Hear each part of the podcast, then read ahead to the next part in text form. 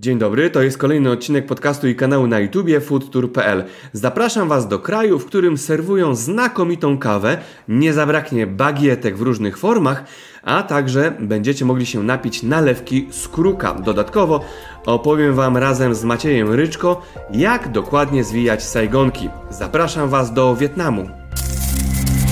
To jest podcast i kanał na YouTube foodtour.pl. Zaprasza Kamil Nosel. Dzień dobry, witam Macieju. Przyznam, że po raz pierwszy do naszej rozmowy e, no to wcześniej zjadłem obiad, bo e, byłem w Wietnamie, posmakowałem kuchni wietnamskiej i wiem, że będzie dzisiaj smacznie. Macieju, jak się masz w Wietnamie? Witam wszystkich. E, nie wiem, czy dzień dobry, czy dobry wieczór, bo to zależy u kogo jest która godzina. U nas jest dobry wieczór. W Wietnamie jest e, ciepło. W tej części, w której ja jestem, jest bardzo ciepło. W Saigonie mamy mniej więcej e, w tej chwili jakieś 26-28 stopni, a jest już bardzo, bardzo blisko północy. E, no cóż, wracamy do, do realu, wracamy do życia normalnego po, po pandemii covidowej, która w Wietnamie była bardzo na początku taka nieśmiała, bym powiedział, super, wszystko ekstra, potem nagle zrobiło się boom zachorowało mnóstwo osób, zrobiono nam pełny lockdown e, z fajerwerkami do kwadratu, no i przez dwa lata tak naprawdę jesteśmy zamknięci w Wietnamie, więc to takie słodkie, ja to nazywam słodkie więzienie. Mhm. E, Macieju, ponieważ mieszkasz w Wietnamie już przeszło 20 lat i prawdopodobnie już zjadłeś wszystko, co w Wietnamie można było e, zjeść. Pytanie, czy jest jakaś potrawa, która tak naprawdę jest dla Ciebie tę, tą idealną i jest dla Ciebie tym przysmakiem kojarzonym z Wietnamem? Jeśli tak, to co to jest? Łach, no to chyba musimy zacząć od klasyki, tak? E, od klasyki gatunku, bo kuchnia wietnamska, szczerze mówiąc, jest bardzo bogata, jest bardzo regionalna. To jest e, taka rzecz, która, która może zaskoczyć e, pewnie naszych słuchaczy czy naszych widzów, bo, bo pewnie część osób nas ogląda, część osób nas słucha. Natomiast klasyką gatunku oczywiście jest pho, zwane w Polsce zupą fok, które nie jest tak naprawdę zupą, no ale, ale ja też nazywam to na potrzeby takie, no powiedzmy swoje, codzienne, czy, czy rozmowy z ludźmi, no to też często mówimy ze sobą zupa fo, mimo że mamy świadomość, że nie jest to zupa sensu stricte. Mhm. To rozszyfrujmy, co się kryje pod pojęciem e, fo, bo są różne kombinacje, jeśli chodzi o e, ten przysmak z Wietnamu. Dokładnie tak, więc e, zupa fo to naprawdę mm, można by w skrócie powiedzieć, że jest to bulion, bulion z makaronem ryżowym. E, no i właściwie to wszystko, tak? To jest podstawa, żeby było fo, no to jest to, żeby powstał bulion. No i teraz e, ten bulion jest gotowany na czymś, tak? Czyli są takie trzy klasyczne elementy, czy trzy klasyczne rodzaje fo.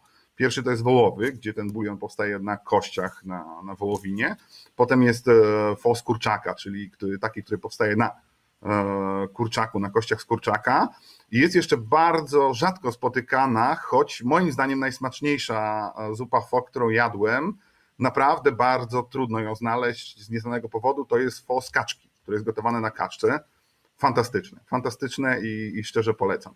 Więc jakby zupa fo e, to tak naprawdę makaron ryżowy, który znajduje się w misce. Do niego dochodzi odpowiednie mięso, które tam w tym makaronie się znajduje. Ach, tu może gwiazdka mała. E, jest też teraz czwarta wersja, czyli fo wegetariańskie. Więc pojawiło się, choć nie wiem do końca jak jest z tym wywarem, gdyż no ja nie jestem wegetarianinem, więc tam do końca nie, tego tematu nie prześledziłem, mm, ale wiem, że pojawiły się opcje fo wegetariańskiego. Chyba to jest, zdaje mi się, ten wywar po prostu na samych warzywach robiony. Więc jakby trafia tam makaron, potem trafia to mięso lub warzywa, jeżeli to jest wegetariańskie, e, zalewane jest to gorącym wywarem, no i właściwie trafia na stół i trafia na stół, tak? E, czasami znajduje się w cebula krojona, czasami szczypiorek, czasami kolendra. To są takie rzeczy, które mogą trafić nam się od razu, podane przez e, kucharza, przez tą osobę, która przygotowuje to fo. E, natomiast całą resztę sosów, przypraw mamy na zewnątrz, tak jak to w kuchni wietnamskiej, czyli główne danie trafia na stół, natomiast cała jakby kwestia przyprawienia go, to, że on jest słone, słodkie, kwaśne, pikantne, to wszystko znajduje się na stole i my o tym decydujemy, a nie kucharz i to jest taka jedna z e, cech kuchni wietnamskiej. Ale wracając do zupy pho, dlaczego zupa, dlaczego nie zupa? Dlatego, że ten wywar tak naprawdę służy do tego, żeby zalać mięso, zalać makaron ryżowy, zrobić go ciepłym, gorącym i bardzo tradycyjny Wietnamczyk, nazwijmy go. Oczywiście w tym momencie, jeżeli mamy możliwość, to powinien się pojawić taki kapelusz, tak, dwie pałeczki i tak dalej. I to jest taki tradycyjny. Mm, natomiast no, mówimy o, o przeciętnej osobie, która je makaron, je mięso i ewentualnie te warzywa, które się pojawiają, natomiast zostawia ten wywar jako część, która nie jest dla niego istotna. W związku z czym to tak naprawdę nie jest zupa, tylko liczy się to, co jest w środku i to, co jest treścią. Hmm, Aczkolwiek wydawało... ja osobiście i powiem, że większość e, Polaków, z którymi jadłem kiedyś fo w różnych okolicznościach, e, to tą zupę wypija. No właśnie, wydawało mi się, że. Prosto, ta... z miski, prosto z miski, nie to, że tak. łyżką tam próbuje walczyć, tylko prosto z miski wypija. Że ta esencja jest najlepsza, jeśli no chodzi o zupę fo, bo e, z tego co czytałem, to zupa fo jest robiona odpowiednio wcześniej, żeby to wszystko zaszło, żeby to wszystko nabrało smaków. E, I jeszcze do, dopowiedzmy do zupy pho, że e, zupę pho można w Wietnamie zjeść tak naprawdę non-stop. Czy to jest rano i e, zbliża się upał, czy to jest wieczorowa pora, to ciągle można zjeść zupę pho. Dobrze mówię? Um, I tak i nie. To jest najlepsza odpowiedź zawsze na, na każde stwierdzenie. I tak i nie. E, rzeczywiście w tej chwili jest tak, że można zjeść o każdej porze i najlepsze fo oczywiście jest miejsca, które sprzedają wyłącznie zupę fo. To są miejsca, które sprzedają wyłącznie jedno danie i właściwie funk funkcjonuje wyłącznie sprzedając jedno danie. Natomiast, e, natomiast są miejsca e, tradycyjnie fo je się albo rano, albo wieczorem.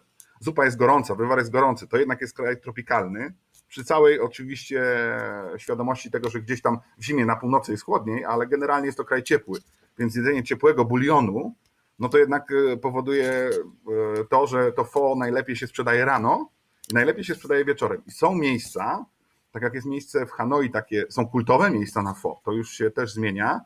One kiedyś były tradycyjne, ja mnie teraz nazwał kultowe, bo to fo troszkę taką zaczęło e, przechodzić transformację jak przyjechałem do Wietnamu te 20 lat temu, to była podstawowa potrawa. To było takie podstawowe danie, które jadło się na śniadanie albo wieczorem po zachodzie słońca, kiedy robi się chłodniej.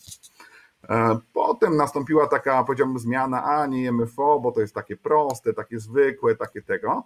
I w tej chwili to wraca. W sensie wraca moda na to, żeby jeść fo, bo jednak jest to proste danie, jest to smaczne danie i chyba nie do powtórzenia. Ta zupa z makaronem ryżowym funkcjonuje i w Chinach, i w Tajlandii, i w Malezji, i w Laosie, i w Indonezji Natomiast jednak ten smak fo i tego makaronu miękkiego ryżowego jest taki wietnamski. Chyba się zgodzisz ze mną. Oczywiście, to jeszcze kończąc wątek zupy fo, dodajmy, że je się zupę fo specjalną łyżką, której no, w Polsce raczej e, nie używamy, no chyba, że idziemy do oczywiście knajpy, która jest e, prosto z Wietnamu.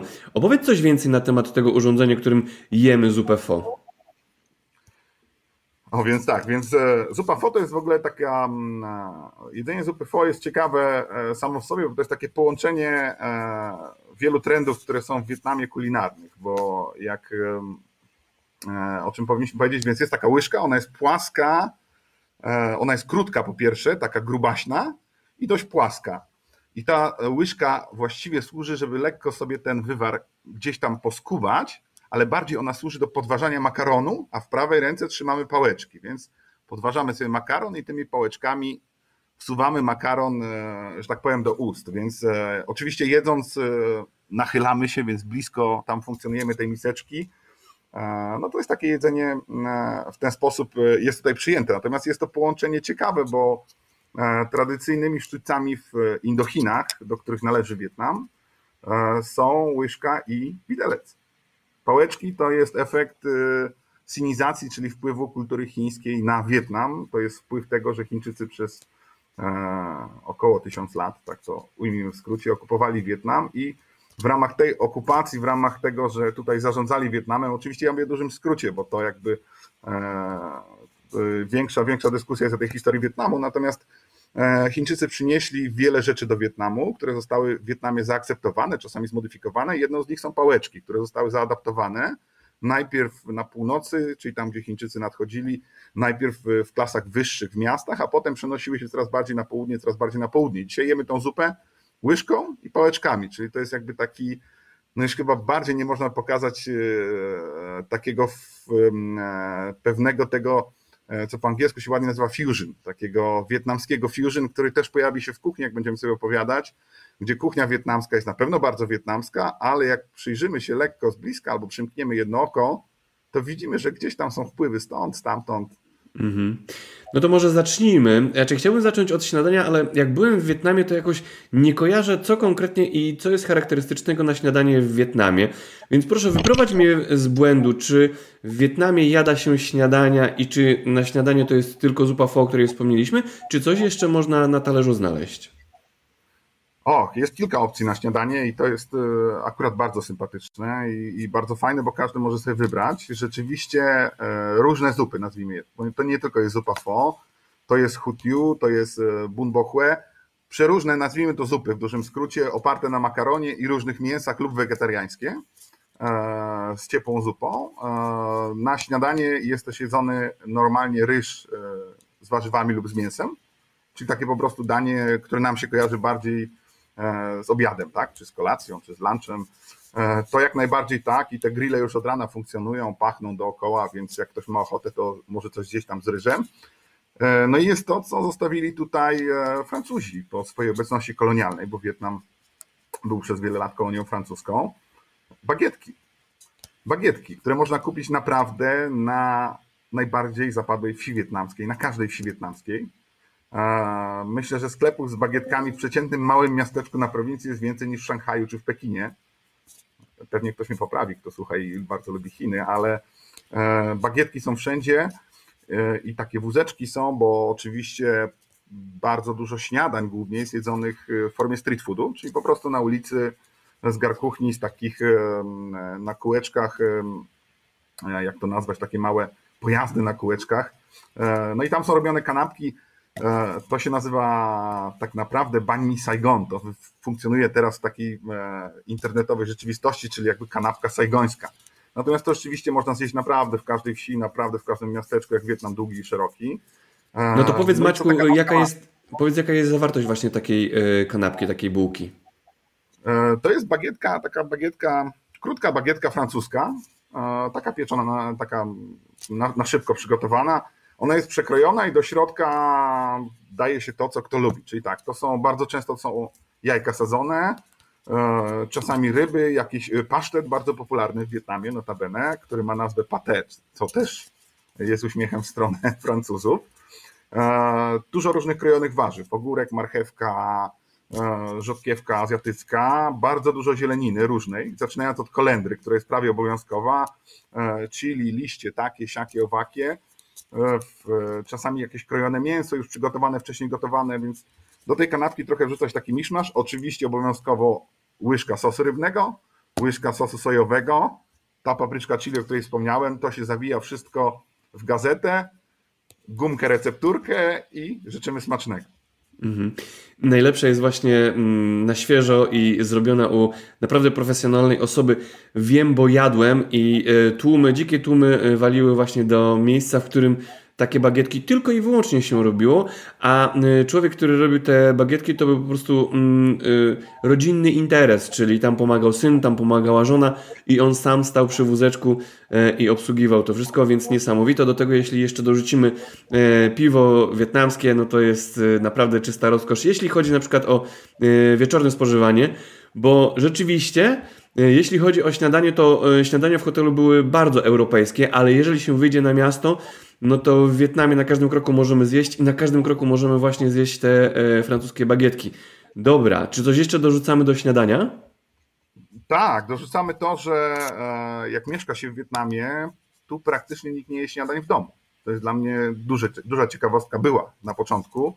Wszyscy jedzą na mieście. Tu właściwie oni się wstają, myją, ubierają się, pakują się i jedzą śniadanie albo przy firmie, albo przed szkołą, albo przed pracą, albo zatrzymują się jeszcze z kimś i to śniadanie jest jedzone na mieście. Stąd ta popularność tych garkuchni, tak naprawdę to, że jest ich milion, bo ludzie po prostu nie gotują rano w domach. To jest dla mnie e, fenomen tego kraju tak naprawdę, mimo nawet jak mają czas, czy mają możliwości, nawet w kwarantannie, jak byliśmy w tej chwili w domu, przez bardzo długi okres czasu, bo mieliśmy bardzo restrykcyjną kwarantannę i po prostu siedzieliśmy miesiącami w domu.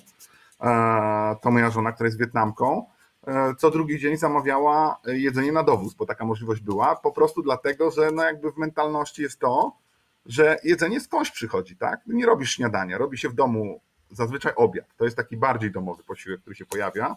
Natomiast śniadanie najlepiej jak spadnie skądś. Mhm. Więc to jest jakby to, co my do śniadania. No i są dwie rzeczy obowiązkowe do śniadania, od których zaczynamy. Jeżeli to jest południe Wietnamu, no to kawa. Jeżeli północ Wietnamu, herbata.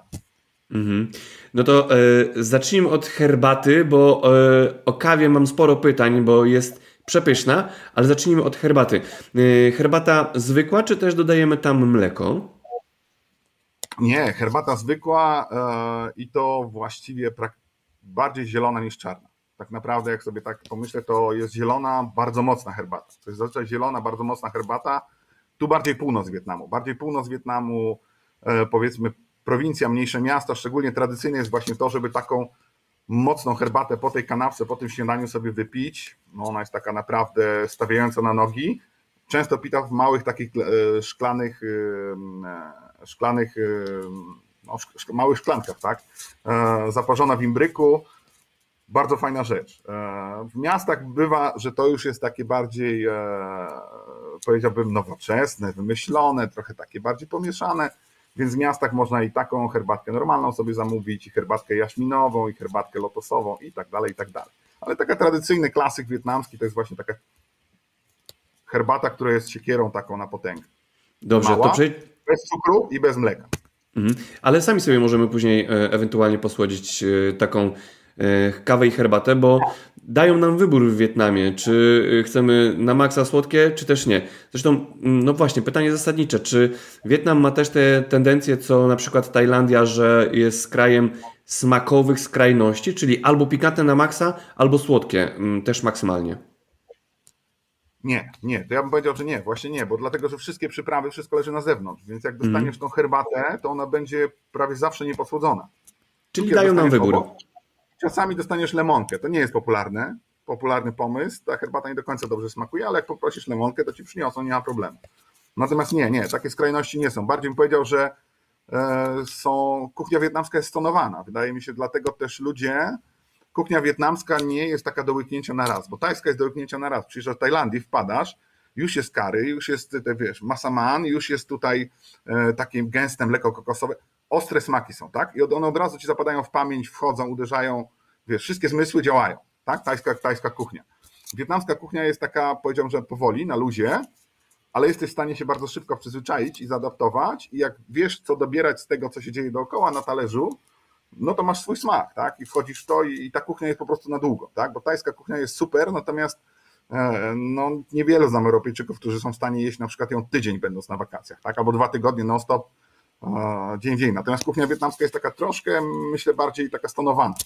Mhm. Natomiast dwa regiony od razu, e, Kamil, to co ci powiem, to mm, takie dwa regiony byśmy wyróżnili północ i południe. I północ jest zdecydowanie bardziej słona, natomiast południe jest e, słodko, nawet nie słodko kwaśne, a bardziej słodko kary, bym powiedział. A to, to przepraszam, to chodzi o potrawy, które są e, bardziej przesolone i bardziej słodkie, czy na jakiej podstawie właśnie jest ten wniosek, że jedna część jest słodka, a druga słona? Oj, na każdej, nawet e, no herbacie nie mówimy, dlatego że z tego nie pije się kawy generalnie. Mało się mm. pije herbaty, bardziej pije się kawę w każdej postaci. E, I tutaj generalnie pije się bardzo dużo słodkiej kawy, słodkich napojów, słodkich soków, słodkich szejków, wszystkie potrawy są dosładzane praktycznie z marszu. Więc nawet taka klasyczna potrawa, jakbyśmy sobie wymyślili, nie wiem, czy ja tak mogę aż bardzo sobie lawirować tutaj o tych opowieściach. Proszę cię bardzo. Fantastyczna, fantastyczna potrawa, która się nazywa bańkuon. To jest jedna też z takich klasycznych potraw wietnamskich. To jest e, e, placek ryżowy, krojona wieprzowina, krojone grzybki, czasami troszkę cebulki, czosnku, zawijany i na parze robiony. Czyli taka nazwijmy ją sajgonka robiona na parze, E, z sadem. Ona jest taka biała i te grzybki, mięso robią takie kropki czarne, więc to jest taki dalmatyńczyk trochę. No i on na północy jest robiony w wersji takiej, że on jest lekko słony i do niego masz sos sojowy, sos rybny, albo taką mieszankę sosu rybnego e, połączoną z wodą, z lemonką, tam z kawałkiem papai, rzodkiewki i tak dalej. E, natomiast na południu, jak przyjechałem, bo mieszkałem, to od razu może, może, może to trochę wyjaśnię, mieszkałem kilka lat w Hanoi wcześniej, zanim przeprowadziłem się do Saigonu. I oczywiście no, jakby po jakimś czasie mieszkania w Saigonie mówię, a zjem te potrawy, które zawsze jadłem na północy, jednak lubiłem je i tak jestem przyzwyczajony. No i postanowiłem to bańkuon znaleźć. Okazało się, że wcale nie jest to aż tak popularne na południu, jak na północy, no ale znalazłem bańkuon, okej, okay, mówię, daję pani, po czym to bańkuon e, wjeżdża do mnie, sos jest posłodzony z dwoma łyżkami cukru, no i te bańkuony też są takie lekko słodkawe, tak? Nie wiem, może dodano trochę, nie wiem, słodkiego mleka kokosowego na przykład, które często się dodaje gdzieś, no ale od razu to było słodkie, więc tutaj jakby no, ten słodki smak e, na południe zdecydowanie, zdecydowanie dominuje.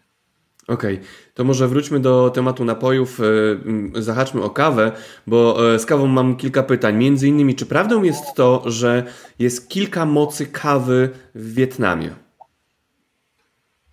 Och, o kawie to można by chwilę pewnie opowiadać, natomiast e, tak, zdecydowanie tak. Kawa, kawa jest o bardzo różnej mocy i bardzo różnych miejscach jest podawana różnie, więc tak naprawdę do końca nie wiesz, czy dostaniesz na kawę, która jest super mocna, czy po prostu mocna. Bo generalnie nie serwuje się. Oczywiście współczesny świat wymyślił kawę instant, tak? Czyli taką z torebki sypaną i wyobraź sobie, że to. Tak, Macieju, nawet chyba nawet jest, nie ma o czym mówić, bo e, to, to się nie umywa do. Nawet w hotelach. To jest tak. nawet serwowane w hotelach takich lepszych, więc ja Ale to się, to się nawet nie umywa do, do kawy, którą możemy dostać na mieście w Wietnamie. E, smak wietnamskiej kawy, zwłaszcza jeśli mamy mm, kawę przelewaną przez takie specjalne, specjalne sitko, gdzie jeszcze w naszej szklance jest y, mleko e, bodajże kokosowe, czy mleko skondensowane? Nie, skondensowane. Tak, no to to jest rewelacyjny smak, więc y, porównywanie staszetek do kawy w Wietnamie takiej normalnej to jest nieba ziemia. No, więc tak naprawdę, tak naprawdę kawa, e, kawa ma wiele różnych, e, wiele różnych smaków, wiele różnych odcieni w Wietnamie. E, można ją robić i w ekspresie ciśnieniowym, wychodzi nieźle i super. Można robić w tradycyjnym ekspresie przelewowym, o którym wspomniałeś, czyli to jest taki aluminiowy, metalowy pojemniczek, który się kładzie i ta kawa kropelkami powoli się zaparza. Natomiast cała sztuczka z tym e, filtrem przelewowym polega na tym, że ta woda wyciąga maksymalną ilość kofeiny. I ta kawa może jest, ona nie tyle jest gęsta aż tak, bo tą gęstość nadaje troszkę też to mleko skondensowane, które jest dawane. Można bez, ale trzeba czasami powiedzieć, że się chce bez. Natomiast jest bardzo mocna, dlatego że ten filtr przelewowy powoduje to, że ta kofeina jest dużo bardziej wyciągnięta niż w filtrze takim tradycyjnym czy nawet ciśnieniowym. Stąd ta moc tej kawy jest rzeczywiście taka, mm, no mówię, albo mocna, albo bardzo mocna. Tak naprawdę Czyli taką kawę w tym przypadku, w tym przypadku i, i przy tej kawie cierpliwość jest wskazana, bo na samym końcu dostaniemy naprawdę e, oryginalny smak kawy. Dobra, e, czy spotkałeś się z kawą typu Kogel-Mogel?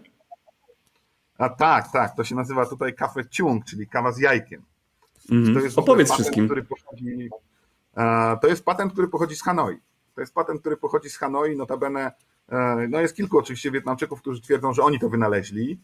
E, jednym z nich jest, e, jest pan, który ma rodzinę w Polsce, którego, który w, ta kawa pojawiła się tak naprawdę w latach 50., 60., zaraz, 70., wróć, 70., tak. Jak w Wietnamie był okres wojny, była bardzo duża bieda na północy, tam nie toczyły się działania takie bezpośrednio e, wojenne, no ale ten, ta, ta wojna spowodowała to, że po prostu no, niedobory były maksymalne, tak? I zabrakło między innymi również e, mleka do kawy. Nie było w ogóle mleka skondensowanego w żadnej formie dostępnego. No a ludzie nie wszyscy chcieli tą kawę na czarno pić, więc wymyślono właśnie, żeby robić kogiel mogiel i dodawać ten kogiel mogiel na górę kawy. I jak ktoś sobie pomiesza, to jest taki trochę, taka trochę jak kawa z mlekiem. Mhm. Taka, jest, taka jest historia. Rzeczywiście ta historia jest powtarzana przez wiele osób. E, rzeczywiście oryginalnie ktoś to wymyślił w Hanoi, no czy akurat ten człowiek, który, którego mam na myśli w tej chwili, tego nie wiem. Mm, e, I to troszkę się zaczęło po Wietnamie rozlewać. Więc w tej chwili tą kawę, tą kawę z jajkiem, jak to nazywamy tutaj, czyli, czyli tą kawę z koglem moglem, e, można, można dostać i w Saigonie, i w centralnym Wietnamie. Zdecydowanie polecam. Ja osobiście bardzo lubię. Dla Jednym słowem jest przepyszna. Dokładnie tak. Okej, okay, Maćku, e, można o kawie gadać godzinami, ale warto spróbować taką wietnamską kawę.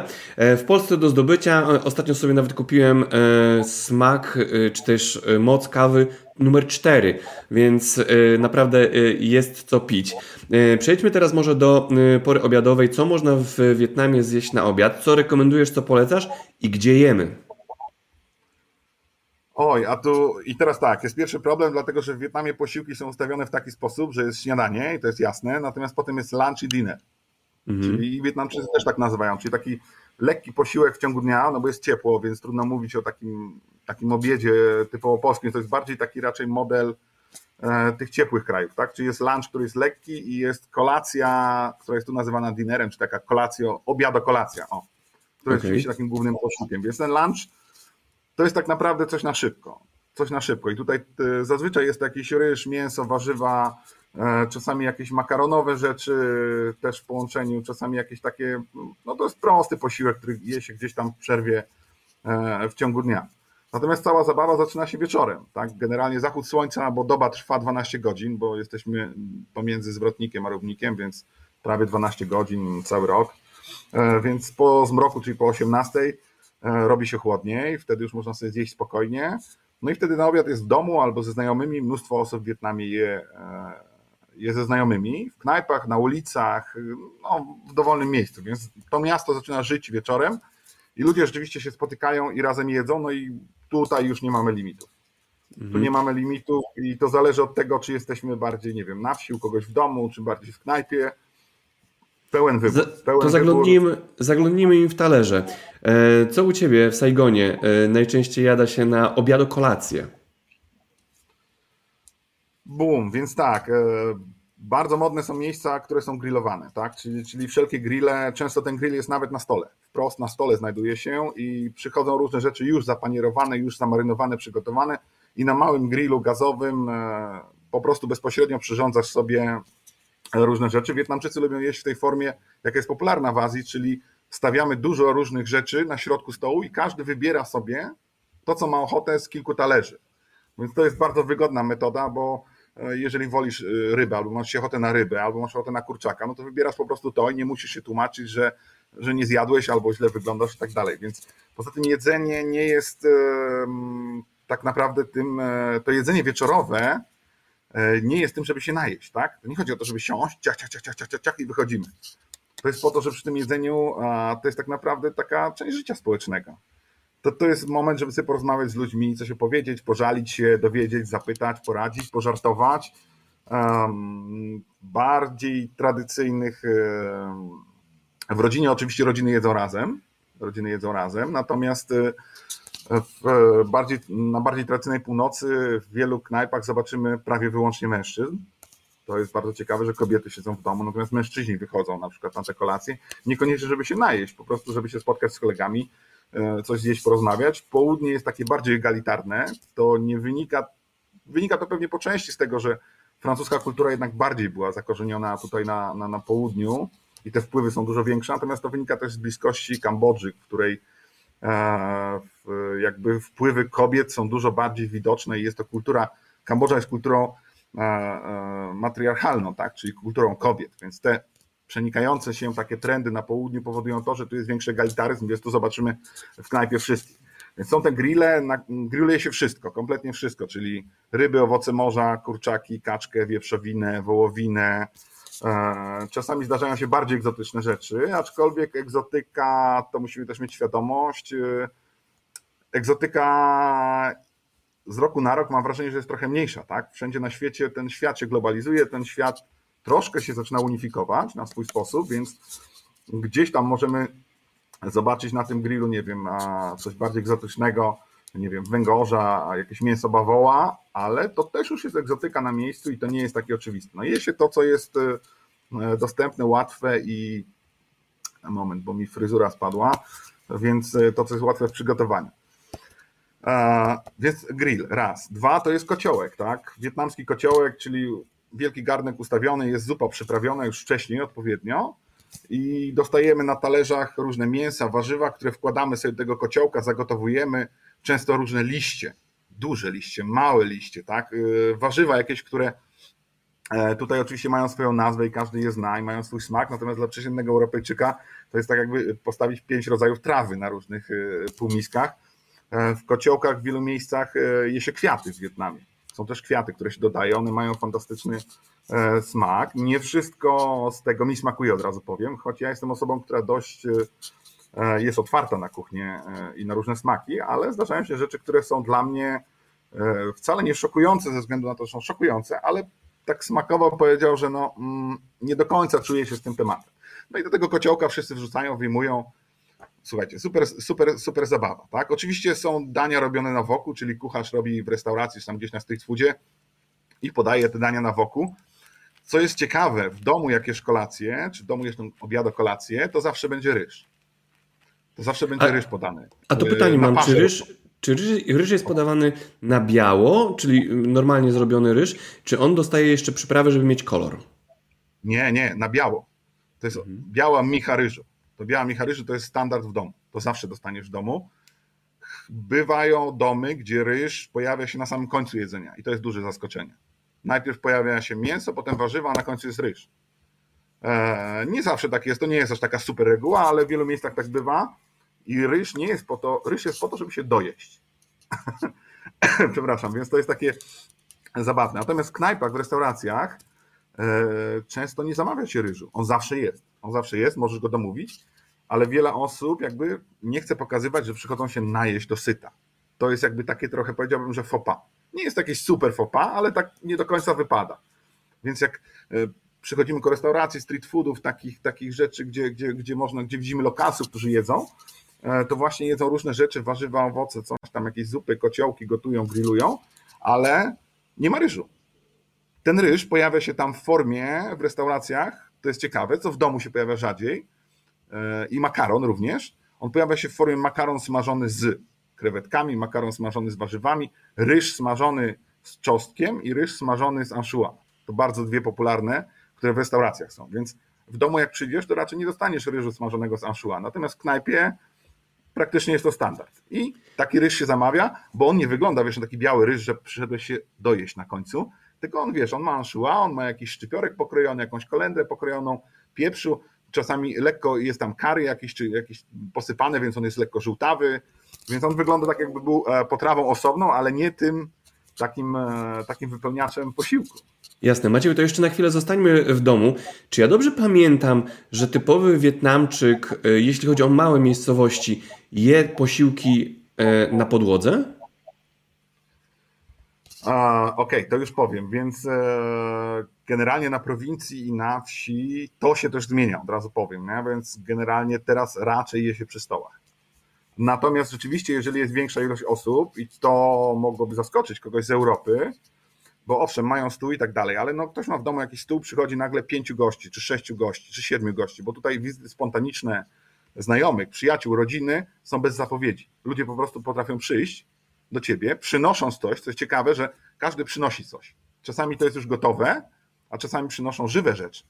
Potrafią przynieść żywego kurczaka na przykład na imprezę, e, potrafią żywą rybę i jakby gospodarz to porządza, tak, na miejscu, to się przygotowuje fajna zabawa. Natomiast no, przychodzi 20 osób, tak, a masz stół z czterema krzesłami. No to no wiesz, no, u nas był, Przesiadamy się. U nas był już start, to może do sąsiadów skoczymy, może pożyczymy, może szybko pojedziemy do sklepu e, meblowego i kupimy cztery stołki ekstra i tak dalej. Tutaj stół się odsuwa na bok i kładzie się maty, maty, czasami nawet gazety dosłownie i wtedy robi się to na poziomie po prostu podłogi. Mhm. E, Macieju. No, oczywiście, jeżeli rodzina jest bardzo biedna, to ale raczej nie. To raczej chodzi o ilość osób. Mi się wydaje, że nie, nie ma jakby takiej korelacji, wiesz, e, mhm. z tym, czy ktoś jest biedny, czy nie, bo te, te, powiedzmy, że te meble, nie, no nie, każdy tam ma jakiś mebel, nawet skromne rodziny mają. Natomiast tu bardziej chodzi o ilość osób. Jest duża ilość osób, wpada duża ilość osób, ale też trzeba powiedzieć, że, że społeczeństwo w Wietnamie e, bardzo chętnie się dzieli swoim posiłkiem e, i to nie jest tak, że e, to co moje to tylko ja jem, ale to co jest do zjedzenia to bierze sobie każdy i każdy może skorzystać. No tak, no bo idea fix jest taka, że wszystkie potrawy lądują na środku i każdy je to co lubi i tyle na ile ma ochotę. Oczywiście wiadomo, że panuje savoir vivre, jak ktoś wpadnie, i, i na niegrzesznego będzie zasuwał, no to na następną imprezę mogą go nie zaprosić, tak? Mm -hmm. to, to, też tak to też tak tutaj jest. To nie jest tak, że, że tak całkiem wiesz, jest gość, co spada do każdego i po trochu sobie poje. Ale generalnie jest tak, że Wietnamczycy się lubią gościć. Wietnamczycy Jasne. się lubią gościć. Wpada dużo rzeczy na stół i o której porze byś nie przyszedł do kogoś do domu, to on zawsze ma coś i szybko coś dogotuje i postawi mm na mhm. stole. To porozmawiajmy chyba o najszybszej rzeczy, którą można zrobić w Wietnamie do zjedzenia, co jest bardzo charakterystyczne w Polsce i z tym kojarzymy Wietnam, czyli sajgonki. Bo sajgonki można robić na kilka sposobów. Już między innymi e, wspomniałeś o e, tym przepisie, w którym zawartość e, sajgonki, czy też zawartość e, tego, co skleiliśmy sobie w papierze ryżowym, dobrze kojarzę, e, jest widoczna, ale są też sajgonki robione na głębokim oleju. Opowiedzmy o sajgonkach coś więcej. Ala, to co my nazywamy sajgonkami, e, co w ogóle dla Wietnamczyków jest strasznie śmieszne, że my nazywamy to sajgonkami, e, to oczywiście jest, e, to oczywiście jest pokłosie tego, że, że w Polsce powstała cała, cała, że tak powiem, całe zaplecze barów wietnamskich, które starały się nazwać tradycyjną potrawę wietnamską, która się nazywa nem, która pochodzi z północy Wietnamu, czyli taka długa rolka zawinięta w, papier ryżowy, w środku jest nadzienie takie lub inne i smażona na głębokim oleju, tak? No i to nazwano sajgonką. E, Żeby było śmieszne, to jest typowa potrawa dla Hanoi. To jest jak, no nie śmieszne, no po prostu jest taka trochę nietypowa sytuacja. Natomiast rzeczywiście tych rolek, bo możemy je nazywać sajgonkami oczywiście roboczo, no tych sajgonek rzeczywiście jest dużo. To ich są naprawdę, powiedziałbym, że jest ponad 100 rodzajów głównych. Więc są te smażone na papierze ryżowym w kilku wersjach. Na południu sajgonki, o ile na północy sajgonki są długie, o tyle na południu sajgonki są cienkie i krótkie. To jest jakby już pierwszy trend. Im bardziej się jedzie na południe, tym ta sajgonka się robi krótsza. E, na południu prawie nie używa się papieru ryżowego do sajgonek. Używa się papieru, różnych papierów, oczywiście jest różna grubość. E, z tapioki z zielonego groszku, miksu tapioki z zielonym groszkiem, miksu czasami dodatkiem mąki kurdzianej lekko, więc są one różne. Oczywiście jest różna grubość, różna miękkość wtedy, E, są sajgonki robione na surowo, zawinięte czy w ten papier z tapioki, czy z papier ryżowy. W środku jest gotowana krewetka, gotowany makaron, jakieś mięsko, jakieś warzywa, ale jakby sam papier ryżowy jest zawijany i to jest tylko tyle.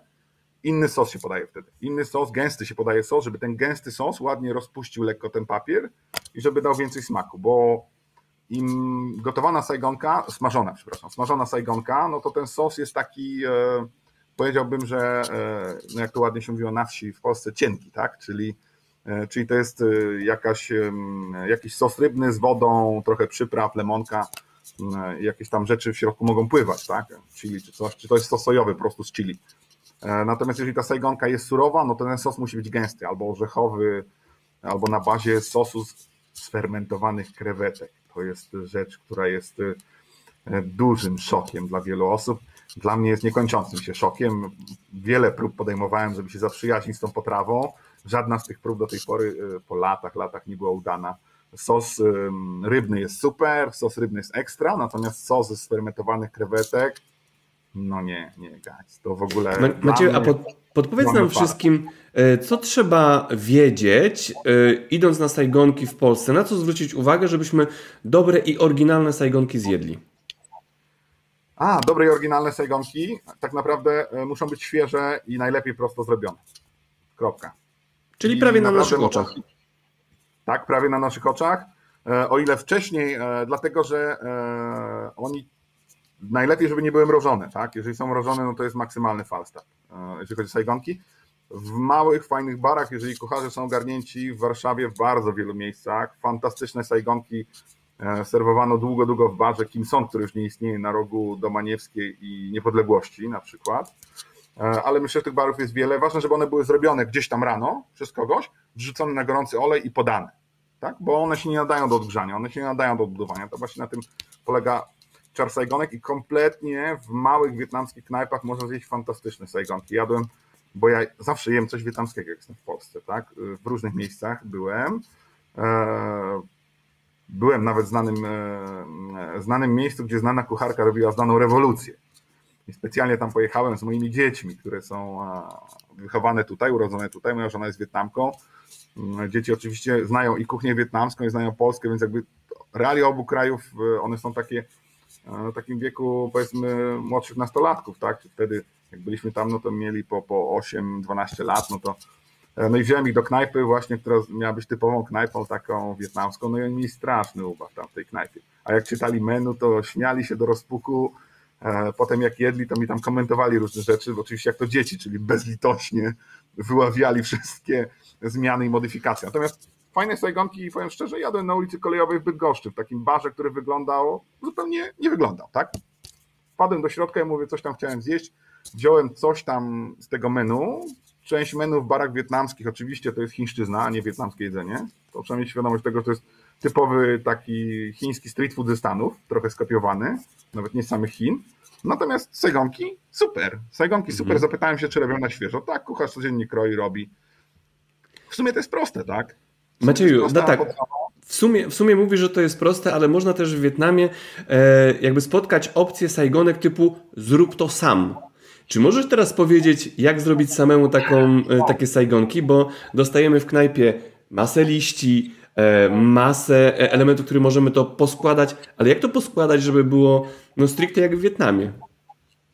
Wiesz co, to, to są tak zwane, to się nazywa tutaj e, zazwyczaj bańkuon albo bańkuon tuj, czyli jakieś takie e, właśnie rolki, bo bardziej to się tłumaczy jako rolki niż tajgonki, ale powiedzmy świeże rolki, tak? No i wtedy bierze się taki e, placek, czy to jest ryżowy placek, tak jak mówię, czy z tapioki, czy zielonego groszku, to już jest różny. E, no on generalnie jest taki, powiedziałbym, sztywny. O, tak to jest dobre, dobre określenie. Więc ten papier bierze się na rękę, rozkłada się dłoń, no, kładzie się ten papier ryżowy, ja nie mam papieru ryżowego, ale mam kartkę na przykład. Więc kładzie się ten papier, tak nie wiem, czy troszkę to widać, będę musiał tutaj... Jest idealnie. Okej. Okay. Kładzie się. Zazwyczaj gdzieś jest woda, więc tą wodę się bierze, czy tam łyżeczką, czy widelcem, czy pałeczką. Troszkę wody się rozciera, żeby ten papier nabrał lekko wilgoci. No i potem nakłada się na niego różne rzeczy. Oczywiście ten papier potem wraca na talerzyk, czy tam e, nawet na stół nakłada się trochę zielonego, trochę e, jakiegoś mięska, nie wiem, czy to jest krewetka, czy to jest wołowina, e, jakieś, e, jakieś warzywa, które są pokrojone, no i zawija się tą sajgonkę. No i zawijania generalnie są dwie metody, ale zakłada się tak z prawej i z lewej i bardzo sztywno się zwija. No i cała zabawa polega na tym, żeby to zrobić dość szybko i sprawnie, bo jeżeli zrobimy to za długo, to ten papier po prostu nam się rozklei, ta woda już jest w środku i on się rozpada. Mhm. Fragmentami mm -hmm. robią się dziury, no i ta sajgonka nam się rozleci. Jak to zrobimy w miarę szybko i sprawnie, maczamy w sosie i jemy. Mhm. Zabawa A... niesamowita, przyznam szczerze. Przyznam szczerze, że miałem y, taką możliwość i niestety poległem w boju, bo wcześniej Ciebie nie znałem oczywiście i nie wiedziałem jak mam to poskręcać, ale okej. Okay. Macieju, trochę wspomniałeś o dzieciach, a mi się dzieci kojarzą ze słodkościami, więc y, może teraz zapytam Cię o słodkości w Wietnamie. Jakie są charakterystyczne dla tego kraju y, słodkości? Chodzi tutaj o ciasta, chodzi tutaj o wypieki lub też to, co można znaleźć w sklepie i jest charakterystyczne i słodkie właśnie dla Wietnamu. Och, no to co, co jest takiego? Powiedziałbym tak, że pierwsza rzecz to jest taka, że e, jest sporo. E, wypieki nie są tradycyjne wietnamskie, od razu powiem, bo piekarnik nie był tradycyjnym, ani wypiekanie rzeczy to nie była tradycyjna kuchnia wietnamska, ale te, e, te 100 lat francuskiej pirazy oko, 100 lat francuskiej obecności zostawiły to, że rzeczywiście piecze się ciastka w wielu miejscach. Piecze się te ciastka, one są nadziewane troszkę inaczej niż u nas, więc to jest bardziej ciekawostka, co się znajduje w środku takiego ciastka. Więc tam potrafi się znaleźć e, i fasolka, potrafi się znaleźć ciecierzyca, potrafi się znaleźć jajko, często jajko solone na przykład. To jest bardzo ciekawe, więc jest słodka, nie wiem, fasolka, słodka ciecierzyca, i w środku jest słonawe jajko, takie fest słone. Więc to jest taki, no te desery mają bardzo oryginalną, powiedziałbym, gamę smaków, niekoniecznie przystającą dla, e, dla Europejczyka, cała masa e, deserów ryżowych, deserów opartych na ryżu, czyli różne, e, i zazwyczaj te ryżowe desery są robione w formie takich, bo to jest w liściu bananowca zawinięte, bardzo popularna, prosta metoda na wsi, w wielu różnych wariantach. Są większe, mniejsze, ale jakiś taki klasyczny, który mi przychodzi pierwszy do głowy, tak, to jest zawinięty i tam się wkłada ryż, z tym, że to nie jest taki ryż, jak jemy na obiad zazwyczaj, tylko to jest ryż kleisty. To jest ryż kleisty, który jest słodki sam w sobie, więc on już jest fajny do deseru. Tam się często dodaje e, kokosa, dodaje się fasole, oni tu bardzo lubią, ziemniaki taro, takie słodkawe ziemniaki, które e, tutaj są dość popularne, e, cukier trzcinowy, czasami trochę cynamonu i to wszystko zawija się w tym liściu i kładzie się na parze i zaparowuje się to. Bardzo fajny deser, do tego jeszcze często można dostać skondensowane mleko kokosowe. No to już idealne. To już idealne i to jest oczywiście super deser ale są też desery takie e, oparte na, e, dużo jest takich karmelkowych rzeczy. zatapianych w cukrze, w karmelu, sezamków jest dużo, orzeszków zatapianych. Część z nich jest twarda, taka dosłownie, że można zęba, zęba stracić. Tak, taka ma być. Część się ciągnie w różnych formach, mniej lub bardziej. Na południe sporo cukierków kokosowych fantastyczne cukierki, karmel kokosowy robiony, tak jak u nas się robi krówki, tylko tam e, zamiast e, mleka się dodaje po prostu to mleko kokosowe, więc powstaje taka krówka kokosowa, do której można wrzucić prawie wszystko, tak? Czyli można wrzucić, nie wiem, e, kakao i będzie taki kakaowo-kokosowy cukierek, można wrzucić, nie wiem, orzeszki ziemne, można wrzucić sezam, no i to wtedy, wtedy zmienia to. E, zmienia to smak. No i takich cukierków jest, e, jest sporo. Natomiast e, co mogę powiedzieć tak ogólnie, no generalnie w miastach, bo ja mieszkam w mieście i jakby no, wśród dzieciaków ciśnienie największe jest na, na europejskie słodycze, które są w sklepach. W europejskim stylu, więc troszkę, troszkę widzę, że, że dzieci tak bardziej cisną w tą stronę, żeby jeść to, ale, ale, mm, ale tych słodyczy jest, choć od razu powiem, tych słodyczy nie ma dużo to jest jakby kontrast do krajów e, tych, które nazywamy e, środkowym wschodem, tak? czyli tych krajów, powiedzmy Turcja, Egipt, tak, Liban, gdzie to widać, zawsze są te takie piekarnie i te takie słodkości, jakieś baklawy, takie rzeczy, to nie. To tutaj desery są zdecydowanie jakby e, kompletnie na boku. Mhm. Kompletnie na boku i rzeczywiście dorośli powiedział, że nie jedzą deserów, aczkolwiek jest jeden ciekawy deser, który też mi przyszedł do głowy to jest cie, czyli taka słodka zupa na bazie kukurydzy, czasami na bazie ziemniaków, w której jest dużo żelek kokosowych na przykład, żelek kokosowych, słodkich owoców, e, pomieszanie takie kukurydzy, różnych innych elementów takich e, kolorowych, kandyzowane śliwki, kandyzowane banany i to wszystko wrzuca się do takiej miski, zalewa się właśnie słodkim syropem, takim lekko krochmalowym bym powiedział no i to jest tu bardzo popularny deser, bardzo popularny deser. Mhm. Ja miałem przyjemność e, w Wietnamie zjeść e, ciasto marchewkowe. Było troszeczkę inne niż, e, niż w Europie. I nie wiem dlaczego, ale Wietnam ze słodyczy kojarzę z gumy um, cynamonowej. Nie wiem dlaczego, ale tam jadłem chyba najbardziej charakterystyczny cynamonowy i podkręcony smak właśnie takiej takowej gumy. Mhm. No więc, nie, więc takie mam skojarzenia. To nie, to chyba. Mm, może to, był przypadek po prostu, ale nie wiem dlaczego mi się tak to skojarzyło. Dobra, Macieju, mój drogi, to przejdźmy może teraz do e, alkoholi, bo e, w Wietnamie można mm, kupić dobre piwo, e, bo jest takowe i inne alkohole. E, co ciekawego można wypić w Wietnamie? Co byś polecił? Co, zależy, zależy kto ile może wypić. To Zacznijmy od tych mniejszych, od tych mniejszych procentów. Ja mam, ja mam herbatę, ja od razu powiem, że mam herbatę, ale, ale się napiję, żeby dalej móc mówić. E, więc e, rzeczywiście tak, więc e, Wietnam, alkohole to jest duży temat. Powiem tak, że Wietnamczycy mają różną tolerancję na picie alkoholu, ale to, co słyszę, od, oczywiście no bo pracuję w ruchu turystycznym i czasami jak ktoś przyjeżdża pierwszy raz do Wietnamu, mówi, a to Azjaci nie mają genu, Azjaci to mało piją. Ja mówię spokojnie, mówię, spokojnie, bo to się może źle skończyć w różnych miejscach dla was. Więc e, rzeczywiście różna tolerancja jest do różnych osób, ale są miejsca w Wietnamie, gdzie pije się bardzo dużo alkoholu przy każdej okazji. Każdy, kto jest pełnoletni, generalnie dzieci nie piją, ok, no to jest jasne, dużo mniej piją kobiety. To jest zdecydowanie tutaj, że jakby no, kobiety piją dużo mniej, ale nie jest tak, że nie piją w ogóle. E, natomiast mężczyźni powiedziałbym, że wręcz to jest jakby element kultury, statusu społecznego, sytuacji, że muszą się wykazać i zaprezentować, więc tutaj um, e, nawet ja się. No są takie sytuacje, które brzmią śmiesznie. Ja też nie chcę wyjść na osobę, która nie wiem, jest alkoholikiem na przykład, tak, bo e, to są, jakby to jest tak inny świat kulturowy i tak inna układanka, że to nie jest tak, że to się da przekręcić jak kostkę Rubika i wyjdzie tak, że w Polsce to tak, a w Wietnamie to tak. To tak nie do końca się da. To są raczej dwie różne kostki. E, no tutaj jest na przykład to, że alkohol jest uznawany za taki element zabawy, który jest dla dorosłych, tak? który może być powszechnie stosowany. Oczywiście są elementy, z którymi tutaj się walczy, na przykład z tym, e, żeby nie pić piwa i nie jechać na motorze po tym, po siedmiu piwach czy po dziesięciu co niestety jest tu dużym problemem i jest społecznie, powiedziałbym, że akceptowany. Ciekawe. Więc to jest duży, to jest duży problem. To jest duży problem. Natomiast są takie elementy, na przykład, że nie wiem, jest spotkanie rodzinne, tak? Czy nawet przychodzi ktoś znajomy, piwko, piwko, coś tam innego się pije, dzieci się bawią dookoła. e, Nie wiem, rodzice idą na basen e, z dziećmi w mieście, bo w mieście jest dużo basenów, w miastach jest dużo basenów.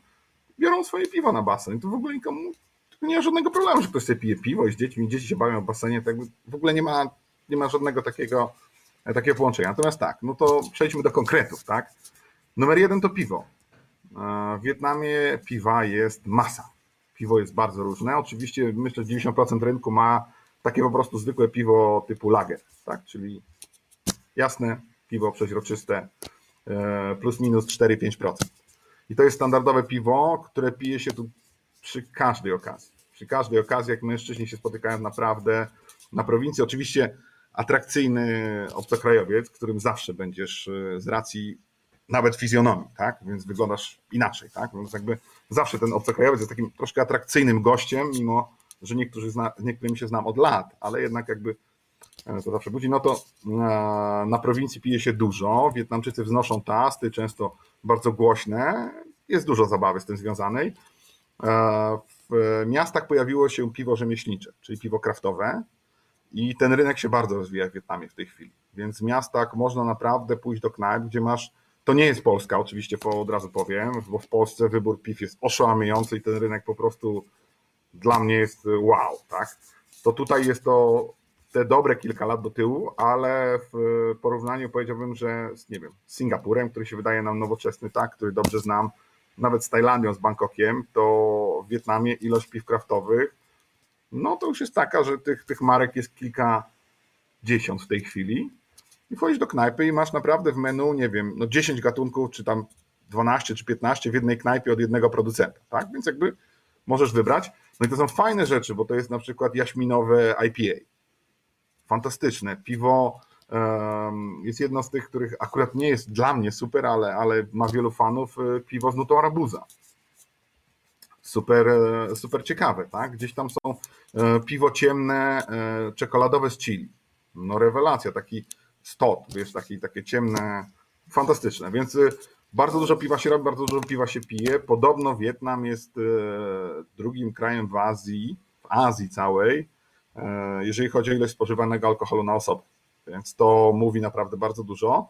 Alkohol jest relatywnie tani, z wyjątkiem importowanego. Importowane alkohole są ogromnie drogie, bo są bardzo wysokie bariery celne, natomiast lokalne są dość niedrogie i dostępne dla każdego. Ale piwo tak naprawdę to jest wynalazek współczesności, bo tego piwa do lat 80. w- to był ekskluzywny napój, miejski. Na południu pili go Francuzi, ci, którzy z Francuzami, gdzieś tam potem ci, którzy gdzieś byli blisko władzy, mieli i tak dalej, i tak dalej. Natomiast na wsiach piło się bimber. Piło się bimber i ten bimber funkcjonuje jako podstawowe, e, podstawowy napiwek. To jest bimber głównie ryżowy. Tada! Jak się mogliśmy spodziewać, ryż nie tylko w formie białego ryżu. Z ryżu w ogóle da się dużo rzeczy ciekawych zrobić. E, Bimber ryżowy różnie robiony w różnych częściach, bo to może być słodki ryż, to może być e, normalny ryż. Jest też, jest też bimber kukurydziany, bardzo popularny, jest też bimber ze słodkich ziemniaków, więc no, trochę tego jest. Ale klasyczny bimber ryżowy, on jest dużo lżejszy niż w Polsce, więc to jest, e, powiedziałbym, że ma między 25 a 35% to jest taki standard tego bimbru. Ale bywają też mocniejsze bimbry.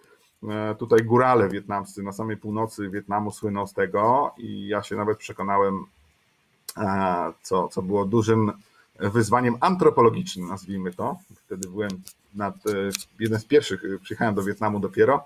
No i górale mnie zaprosili. Ja wiedziałem, że ja mam dobre możliwości w porównaniu z przeciętnym Wietnamczykiem. E, Więc jakby powiedziałem, że nie ma sprawy i na góralską imprezę mnie wyciągnięto prawie dosłownie z autobusu, do którego, z którego przyjechałem.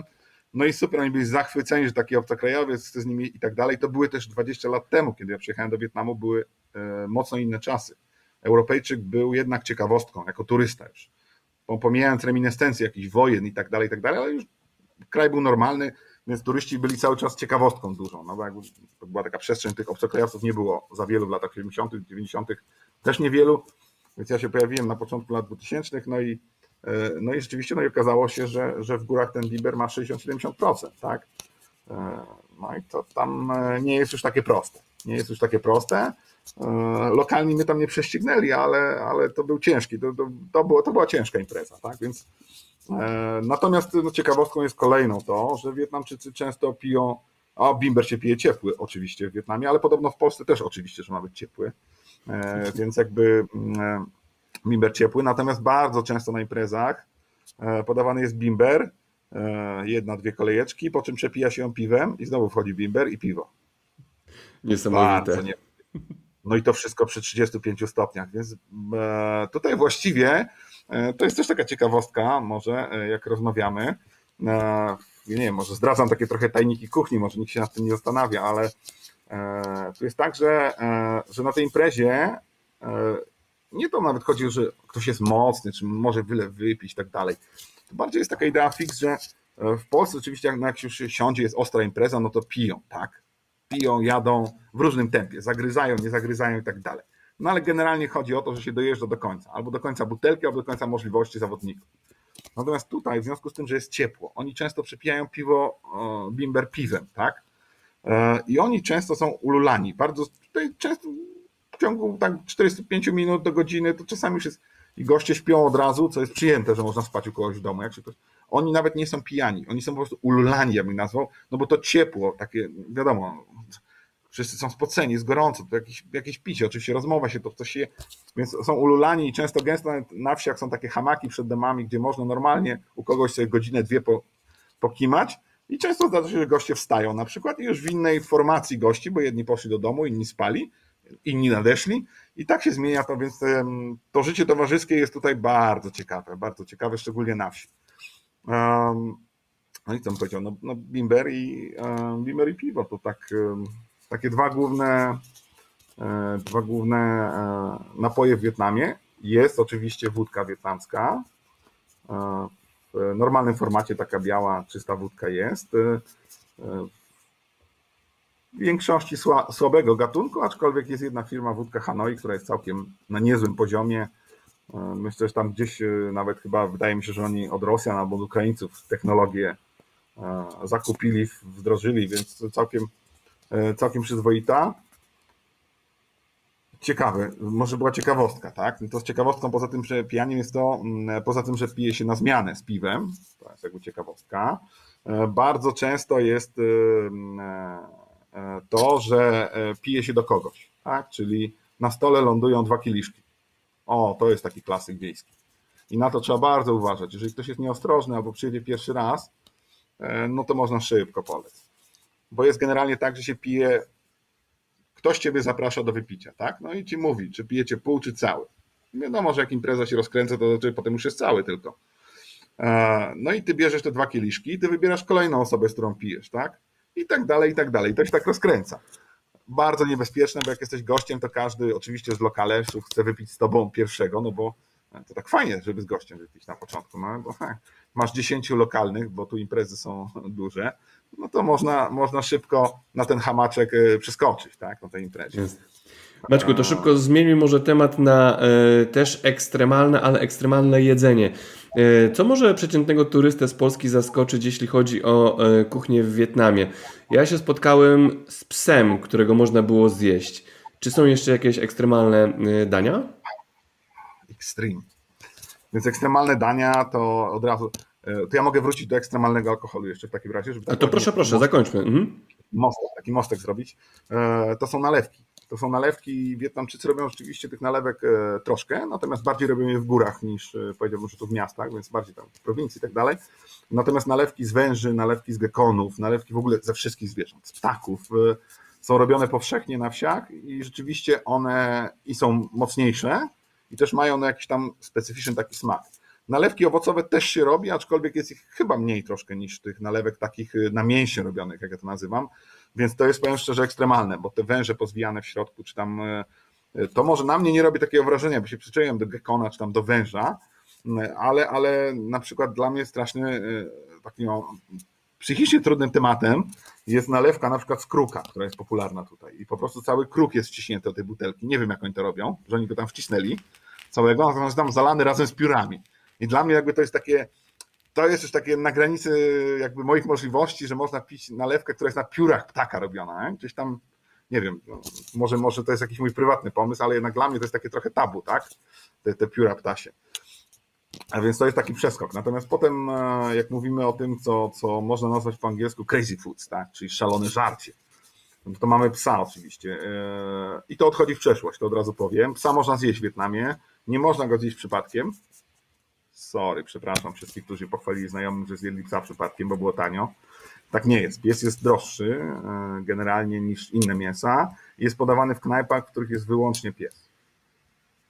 Praktycznie się nie zdarza. To znaczy knajpa z psem jest tak jak zupa fo, o której wspomniałem. Czyli masz tylko zupę fo i z tego żyjesz, ludzie chodzą, bo wiedzą, że jesteś najlepszy. I z psem jest podobnie. Na psa chodzi się, e, ale to zanika w miastach. Młodzież nie do końca czuje bluesa. E, bardziej na północy Wietnamu niż na południe się je psa, to od razu powiem. I to taka jest wyraźna tendencja. Władze wietnamskie oczywiście próbują to zasłonić, zatuszować, więc tam, e, bo ten pies oczywiście może być w różnej formie, grillowany, z kociołka i tak dalej.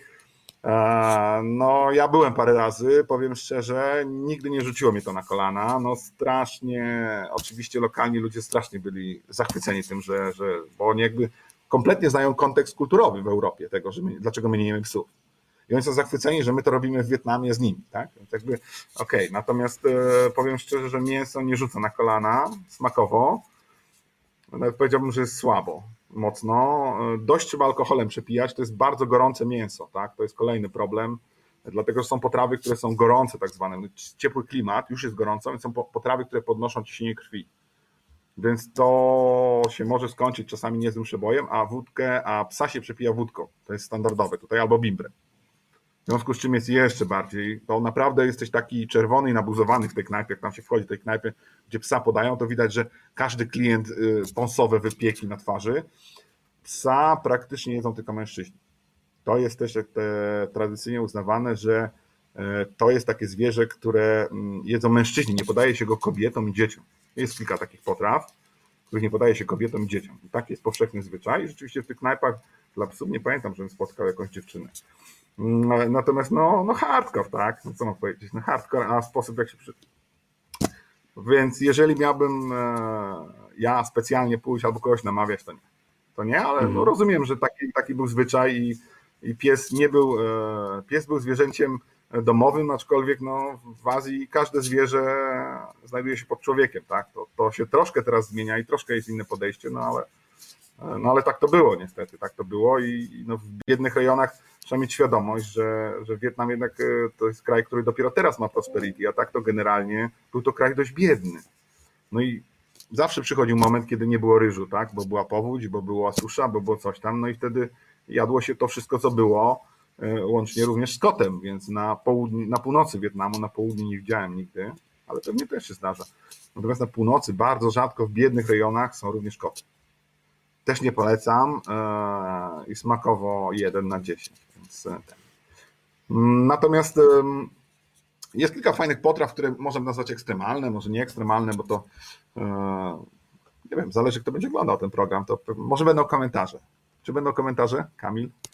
Mogą być. Jeżeli zaczęliśmy od psa, a pójdziemy jeszcze level wyżej, to mogą no. być. Nie, no to słuchajcie, nie, nie level wyżej. Tutaj bardzo popularne są na przykład e, muszczek wieprzowy. Muszczek wieprzowy w różnych formach, tak? który w Europie już chyba jest nie do kupienia tak naprawdę. Trzeba się bardzo postarać, gdzieś ten muszczek znaleźć w sklepie. Tu jest bardzo popularny, fantastyczny. Jedna z moich ulubionych potraw, robiony jeszcze w takich ziołach e, z północnego Wietnamu, e, z jakimiś orzeszkami takimi alapini. Fantastyczna sprawa. Często, często jest gotowany i smażony jeszcze na gorącym półmisku rewelacja dla mnie. Dużo się je podrobów w ogóle w Wietnamie. E, dużo się je podrobów, takim najbardziej chyba strzałem w dziesiątkę i ja nie lubię, od razu powiem. A wszystkich zaskoczyłem, bo móżdżek jest rewelacja, jakieś tam inne podroby super. E, kurze łapki. Kurze łapki, które tu się mm, e, smaruje miodem albo glazurą taką karmelizowaną i potem się przyprawy i na grillu się smaży. I te kurze łapki są tutaj w wielu miejscach, albo takie kurze łapki w occie robione takie, czyli taki, tak jak śledzie w occie, tylko kurze łapki w. Nie, nie, nie, nie. Powiem szczerze, też jadłem kilka razy i nie, nie wchodzę, więc, ale to nie wiem, niektórym się wydaje ekstremalne, ale znam wielu Polaków, którzy bardzo lubią, gdzieś pamiętali to od babci, ze wsi, z dawnych czasów, więc to na pewno tak. E, no wiesz, kompletnie, nie wiem, myślę, co może być takie ekstremalne, takie szokujące, Wiesz, no ja kompletnie nie popieram żadnych takich rzeczy, które uważam za po prostu głupie, tak? Czyli, czyli jakieś jedzenie, wiesz, małp, niedźwiedzi, tak? Czy dzikich zwierząt typu tygrysy i tak dalej. W ogóle tego nie popieram i tego nie próbuję, tak?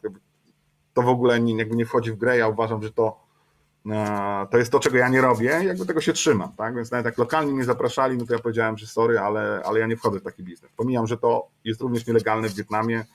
E, jest wielki mit tutaj oczywiście, że wątroba niedźwiedzia, wyciąg wątroby niedźwiedzia e, działa na wszystkie choroby, tak? Łapa niedźwiedzia działa na coś tam i tak dalej, i tak dalej. Dużo jest magicznych potraw, które działają na potencję męską. I to jest, to jest to jak Azja długa i szeroka, to nie tylko Wietnam, ale również Wietnam ma w tym udział. E, no i tutaj e, powiem szczerze, że o ile to jest wężówka, jest jedną z takich potraw, która działa na męską potencję, więc również kobiety nie piją wężówki, to generalnie jest taka domena, ta wódka z tymi wężami w środku, to jest dla mężczyzn. Mm, e, no to to jest okej, okay, to, to jest smaczne, to jest fajne, to, jest fan, tak, no gady, no tak tam tak to, tak to wypadło, tak? Natomiast, natomiast, no nie wiem, na przykład tutaj jest duży problem z, z tym, że na tą potencję na przykład stosuje się rzeczy, które są kompletnie po prostu bez sensu, tak? Czyli sproszkowany róg nosorożca. No, Wietnam jest po Chinach drugim krajem, który importuje najwięcej e, tych rogów nosorożców. Oczywiście za tym stoi kłusownictwo, tak, e, giniecie gatunku i tak dalej, i tak dalej, i tak dalej, a E, a zamiast rogu nosorożca to po prostu można sobie pogryzać paznokcie. Ja wiem, że takiej mm. dyskusji nie ma z tradycyjnym Wietnamczykiem, którego jeszcze stać na to, mm, ale nie, nie, nie. Miałem, miałem propozycję i nie, jakby nie, nie, nie wszedłem nigdy w takie tematy, bo uważam je, że one są, one są śliskie i wiesz, eksploracja jest fajna, świadomość pewnych rzeczy jest fajna, musisz wiedzieć, jak to działa, że to jest, ale nie znaczy, że wiesz, jakby wspierasz to, tak? Czy stosujesz to, czy używasz. Jasne. Może coś bardziej lekkiego? Y, tak, zróbmy coś lekkiego, lekkiego, jeśli masz z hardkorowych, ale lekkie, bo później chciałbym przejść do y, sklepów w Wietnamie, bo to też jest y, kolejna historia. No słuchaj, więc z, z, lekkich, z lekkich potraw, takich, które może, też mogą być nietypowe, to jest rodzaj takiej zupy, którą się robi, fantastycznej zresztą, żelatyną kokosową się zagęszcza ze świeżo obitego drobiu. Taką zupę z krwi żelatyną się zagęszcza, do niej się dodaje bazylię azjatycką i orzeszki ziemne. Mm, I lemonkę. I chili oczywiście. Poezja, poezja, ale e, ryzyko jest w tym klimacie, przy tej temperaturze i przy braku tam odkażenia, tego ryzyko jest duże, ale poezja, poezja. Kaszankę mm. robią fatalną, od razu ci powiem. Kamil był to kaszanka wietnamskiej flaki, nie, sorry. Nie, nie, nie, nie, mam zamiar, nie mam zamiaru wracać do Wietnamu po kaszankę i flaki, gdzie tam są nie, lepsze przysmaki. Ale to popatrz, i to tak jak czernina, tylko wiesz, ona nie jest gotowana w ogóle, ona jest taka, wiesz, super podana tak jak leci, więc, e, e, więc to takich małych, e, małych hardkorów na pewno. Ach, jest fantastyczna rzecz, która nie jest hardcorem, którą wymyślili Wietnamczycy, bo w, generalnie w Azji, jak mogę robić taki trend, to moda na japońskie jedzenie generalnie w Azji się rozszerza. Jak? Jest super moda na japońskie jedzenie. Od Singapuru po Koreę nawet. Więc japońskie knajpy, sushi, bary, sashimi i tak dalej. No i wiadomo o co chodzi w kuchni sashimi, tak? Surowe ryby, surowe owoce morza, pokrojone itp. itp. Natomiast Wietnamczycy wymyślili kompletnie swój patent, który może być takim trochę crazy foodsem, ale dla każdego. Wymyślili patent. Otóż oni biorą krewetki, obierają je, e, ze wszystkiego tam jest tylko ogonek i ona jest taka srebrzysta, ale jest surowa. Nie jest taka jak w sushi barach podana, że ona jest już lekko zaparowana, tak? Albo śmignięta czymś, bo ona jest y, różowa. To ta jest taka silver, czyli taka oryginalna, srebrno-przeźroczysta, jak jest. Ją się podaje na lodzie, do tego się daje długą cebulkę, dymkę. E, I to jest wietnamski pomysł na fusion z japońską kuchnią od razu, bo e, mam znajomych Japończyków, którym pokazałem to i powiedzieli no, no, no sashimi, this no sashimi. Więc jak wiesz, Japończycy patrzyli ze zgrozą, ale jak jedli, to powiedzieli, że smakuje. No okay. i słuchaj, sos, sos sojowy z wasabi, lemonka, mix, bierzesz ją za ogonek, wkładasz do tego, no i trzeba ją zjeść tak jak sashimi, zagryźć tą cebulką e, dymką, no i najlepiej potem popić sakę albo jakimś alkoholem, bo to jednak surowa e, krewetka. To, to się nazywa, i to nazywają sushi, to się nazywa sushi Wietnam tutaj. Sushi Ciekawe. Wietnam sushi Wietnam, więc więc to jest hardkorowe, ale każdy może spróbować takiego, takiego myślę, że hardcore e, fajny. Natomiast gwarantuję, że 9 na 10 osób mówi, że rewelacja w smakowo. To ja ci jeszcze z, z, mojej bajki dorzucę. Jak byłem w Wietnamie, to dla mnie hardkorowa okazała się być kaczka, bo e, dostałem kaczkę prawie całą i na moich oczach posiekali tę kaczkę. A, to widzisz. Czujność profesjonalisty jest super. Widzisz, powiedziałeś kaczka, wiesz, a ja działam jak w tym, jak w grze takiej, wiesz, ping, ping, akcja, reakcja. No jajko z kaczką, czyli balut. Nie wspomnieliśmy o tym. Wspaniała, bo w ogóle dla mnie to nie jest hardcore. Ja to, ja to uwielbiam. To jest fantastyczne jedzenie. Czyli mamy kacze jajko, w którym w środku jest zarodek, no i niewykluty, tak? I to wszystko się gotuje, więc to przychodzi na stół już ugotowane, otwiera się, no i w środku jest kaczka z całą jej fizjonomią. E, no dla niektórych nie, nie do przełamania się. Natomiast w smaku rewelacja, fantastyczne. Sól, sól, pieprz, lemonka, lekko chili na łyżeczkę i za każdym razem się wyjmuje tak jak jajko na miękko, bosko. A sycąco to jest do kwadratu. Więc to polecam każdemu, każdemu. Jeżeli tylko ktoś, ale mam świadomość, że, że dla kogoś z Europy to jednak jest szokująca forma podania tego dania. Więc widzisz, tu cię kaczka zaskoczyła, a tu jajko wyciągnęliśmy z tej kaczki. Mm -hmm. No dobra, to przejdźmy do tematów troszeczkę mm, jakby atrakcyjnych i pozytywnych, między innymi o e, sklepach w Wietnamie. Mm, przyznam szczerze, jak byłem e, w Ninh Binh e, i jeszcze w Hojanie, to mniejsze sklepy jakby półki nie uginały się od towaru. Czuć było nasz PRL. Czy dobre miałem wrażenie?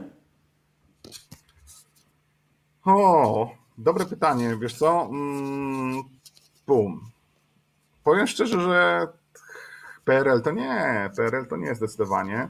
Tak teraz szybko myślę. Nie, no na pewno jest tak, że im mniejsza miejscowość, tym jest mniej towarów w sklepie, tak? No, to, to wynika z prostej rzeczy, że mm, ten, kto prowadzi sklep, to jednak sobie tam kalkuluje, ile może sprzedać, e, dlatego że tutaj za każdy towar płaci się gotówką w momencie, jak przyjeżdża dostawa, tak? Nie ma, małe sklepy nie dostają żadnego kredytu, więc w momencie, jak przyjeżdża dostawa, no to oni muszą gotówką zapłacić za to, no i tyle, ile mają możliwości, no to tyle mogą tam trzymać.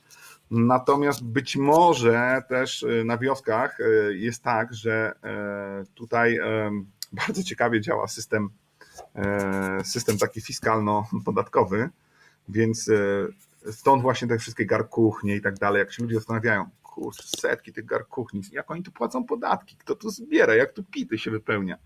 Tak to nie działa. Oni się rejestrują w urzędzie, płacą ryczałt, często jednorazowy. I tak samo wygląda ten sklepik. Oni płacą jednorazowy, ale ryczałt albo miesięczny ryczałt do urzędu gminy, dopóki sklep nie wygląda na sklep. No i tu masz odpowiedź. Więc mhm. dopóki to jest obwieszone, tam różne trochę, tak, trochę tego, trochę tamtego, trochę siamtego, to to wszystko się odbywa gotówkowo, oni płacą wyłącznie ryczałt i dopóty prowadzą. Jeżeli ten sklep zacznie ładnie wyglądać, pojawi się kasa, nie wiem, drugi sprzedawca, no to w tym momencie muszą już go zarejestrować jako firmę, wprowadzić VAT, wprowadzić, e, o, dużo rzeczy, dużo problemów, e, to nie takie proste.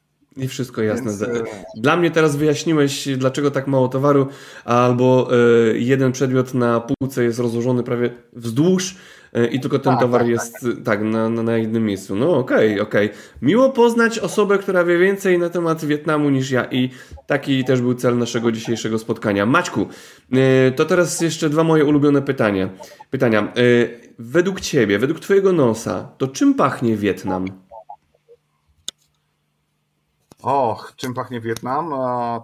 to jest chyba taka mieszanka, to jest taka mieszanka wszystkiego. To jest taka mieszanka wszystkiego. Ten powietrze jest gęste, jest duża wilgoć, powietrze jest gęste, więc to jest taki e, zapach, który masz no dosłownie wszystko, tak? Więc e, może, może to brzmi brutalnie, ale, e, ale, ale to pachnie wszystkim od, od jakiejś wody, wody z kanału pomieszanej z zapachem grillowanego mięsa, jakichś, e, jakichś kardamonów, jakichś kwiatów, które rosną po prostu wszędzie, wydzielają zapachy.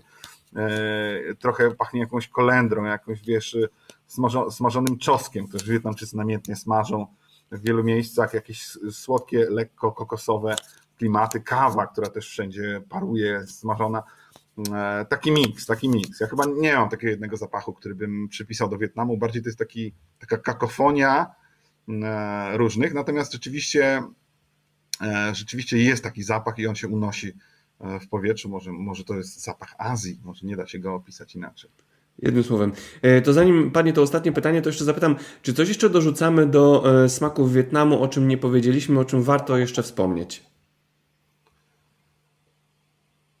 Och, o czym warto wspomnieć? E, no to. Mhm. tak sobie przelatuję szybko, szybko w myśli. E, na pewno dużo ryb, dużo ryb i dużo owoców morza. Długa linia brzegowa, bardzo dużo farm, więc e, cała masa ryb, naprawdę różnych i niektórych nie sposób nawet znaleźć nazwy po polsku, więc ja nawet nie znam po angielsku niektórych nazw, więc po wietnamsku to funkcjonuje. E, bardzo dużo owoców morza, krewetki, duże, małe, średnie, w bardzo różnym przestrzale cen. To najbardziej mnie bawi pytanie, które często mi jest zadawane, no to ile kosztuje typowo, ile kosztuje typowo na przykład kilogram krewetek, jak idzie do sklepu? No ja mówię, no kilogram krewetek kosztuje między dolar a 150. I ludzie głupieją, tak? Bo, ale jajca, no, jaja. Natomiast tak nie jest. No tak, znaczy, ja sobie nie robię żartów z kogoś, tylko e, tak po prostu jest. Jest bardzo duży przestrzał w niektórych e, tych. Co ciekawe, e, zwierzęta hodowlane na przykład, o jeszcze mi przyszło do głowy, to, to są krokodyle, które są dość drogie relatywnie w Wietnamie, natomiast nie ma, na dziko są w rezerwatach, ale oczywiście tam już nie trafiają, natomiast są normalnie farmy krokodyli, które są formami mięsnymi również. I normalnie tutaj w markecie, dużym markecie, można kupić normalnie krokodyla, który trafia jako tusza do marketu i tam na zapleczu, gdzie się porcuje mięso, również porcuje się krokodyla. Niezły, niezły, polecam, e, bardzo, bardzo fajny. No, no tak to jest, no, to zwierzę, zwierzę hodowlane. Masa ostryg, masa ostryg, masa ślimaków różnych, morskich, rzecznych. Ja powiem szczerze, że osobiście nie jem rzecznych ślimaków słodkowodnych. Tak? To jest moja zasada, ale wynika to z tego, że nie do końca mam zaufanie. No, tam jest taka korelacja, powiedziałbym, między e, między pasożytami a ślimakami słodkowodnymi, więc ona dla mnie jest za duża ta korelacja. Natomiast słonowodne jak najbardziej tak. I rzeczywiście tych, tych e, ślimaków, małż e, jest mnóstwo i one są podawane tu w fantazyjny sposób. E, taki jeden z ulubionych moich, żeby też było troszkę jeszcze treści na koniec, to się nazywa Monk Tai tutaj, czyli tak naprawdę palce.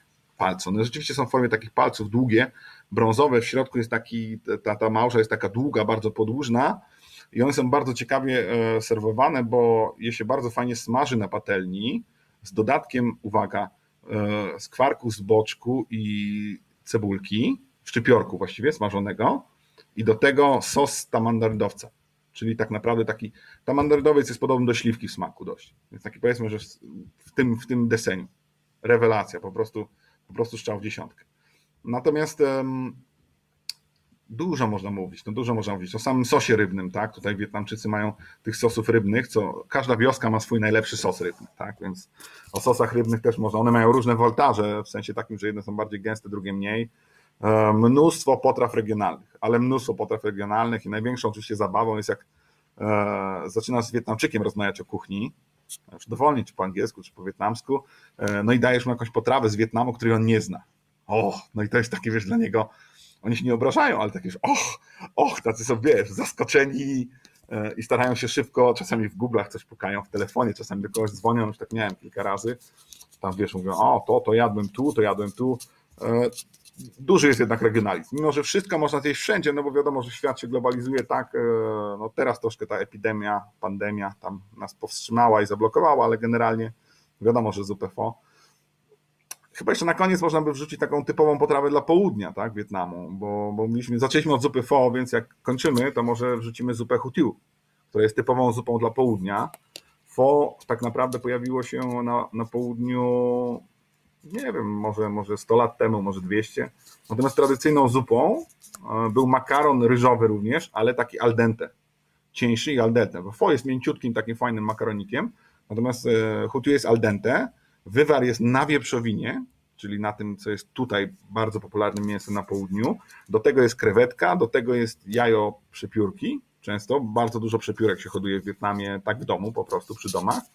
Mm, e, I to zalane lekko słodkawym, z dodatkiem czasami kokosa, pomidora, wywarem.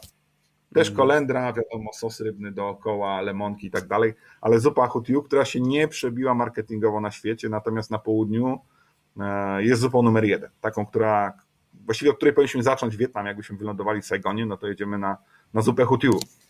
Mhm. Ale się zrobiło nam smacznie na sam koniec. No dobrze, mm, Maczku, to zapytam Cię, jakich smaków z Polski Tobie brakuje w Wietnamie i ewentualnie co Ci przywieźć? Wiesz co, jest kilka rzeczy, których rzeczywiście nie ma w Wietnamie. Już dużo, dużo rzeczy jest, dużo rzeczy da się zrobić, natomiast e, nie ma śledzi dobrych. Są śledzie takie małe, tam jakieś tam coś takiego, ale śledzie nie. Nie ma śledzi, nie ma dobrych śledzi, e, zdecydowanie nie. E, Wietnamczycy nie umieją, to zdradziłem wcześniej, moim zdaniem nie umieją. Sorry, przepraszam wszystkich Wietnamczyków, którzy podsłuchują naszej audycji, czy audycji Kamila. E, Flaki i kaszanka, no to jest, są flaki, jest kaszanka w Wietnamie, ale to nie jest to, co w Polsce. No to flaki i kaszanka w Polsce, no to jest, to, to jest bajka, tak? Więc, więc jakby tego, tego brakuje. E, pojawia się nabiał coraz częściej, który był w ogóle takim, wiesz, nabiał był w ogóle taki no, nieistniejący w tej części Azji. Tutaj, tutaj nabiału praktycznie nie było. E, krowy są w większości, oczywiście to się zmienia teraz no, z różnych powodów, ale krowy były w większości tradycyjnie mięsne, więc jakby nabiał w ogóle nie funkcjonował. Tutaj a serem był serek tofu, tak? czyli serek sojowy. Więc e, trochę nam tego, tego nabiału brakowało. Najbardziej brakuje kefiru. Kefir jest rzeczywiście niedostępny, bo jogurty już są, technologia jest znana jakby prosto, tak? Mleko takie siakiem, to ten kefir jest y, niedostępny. E, no rzeczy chyba z żyta, tak? Bardziej takie żytnie, jakieś jęczmienne, więc takie wiesz, zakwasy, jakieś takie chleby. E, no to oczywiście w Saigonie są tutaj piekarnie prowadzone przez obcokrajowców i tak dalej, i tak dalej, więc e, no ale, ale trzeba mieć świadomość, że, że, że chleb żytni szybko zaraz liczę 800 gramów chleb żytni czyli 25 zł, tak? Sporo. Więc e, no, więc e, to jakby wiadomo, że no, to, to co jest nietypowe. Mm, ja wiem, co ja w miarę, w miarę dobrze gotuję, tak, tak jestem takim samoswańczym kucharzem. No jak zacząłem tu mieszkać, no to, to zacząłem przygotowywać różne, różne potrawy i dajemy radę. Maku nie ma w Wietnamie. O, Maku nie ma, choć e, niedaleko nas mieści się potęga opiumowa Laos i Złoty Trójkąt, ale ten mak nie służy do ciasta. Więc, więc nie ma. Dalej jakieś, jak oglądałem ostatnio, jak, jak, jak ktoś nas słucha z Poznania, no to te, te rogale, choć ja jestem z Galicji, więc jakby, ale, ale mm, rogale marcińskie, no to, to bajka, tak? Bajka, no tego brakuje. No makowy jest na święta, jak, jak ktoś nie przywiezie. No to już no wiemy. czegoś brakuje. Już wiemy, co ci Dziękuję. przywieźć. Maćku, pięknie ci dziękuję, e, że otworzyłeś nam nowe smaki, jeśli chodzi o Wietnam. E, no mnie, szczerze mówiąc, zaraziłeś ponowną wizytą e, w Wietnamie, żeby sprawdzić to, o czym właśnie dzisiaj rozmawialiśmy. Dziękuję ci pięknie za poświęcony czas, no i życzę ci wszystkiego, co najlepsze. Słuchaj, dziękuję wszystkim za uwagę serdecznie. Ja myślałem, że dopiero zaczęliśmy. Żartowałem. Mam nadzieję, że będzie drugi odcinek. E, słuchajcie, powodzenia. E, ta historia się nie kończy. To był tak naprawdę krótki wstęp. Dziękuję Kamil, że miałeś ochotę. Mam nadzieję, że, że zachęciłem wszystkich do kuchni wietnamskiej, e, którą można spróbować w Polsce w bardzo niezłym wydaniu. Więc powiem szczerze, że polecam wizytę w kuchni wietnamskiej w Warszawie, w Poznaniu, bo to znaczy większe miasta. Choć też jest, są, są, są knajpy i w mniejszych miastach, w Stalowej Woli, w Lubartowie, w gdzieś tam w innych. E, natomiast potem, no to co, no, trzeba się pakować od przyszłego roku, Wietnam będzie otwarty 2022. Słuchajcie, zapraszamy.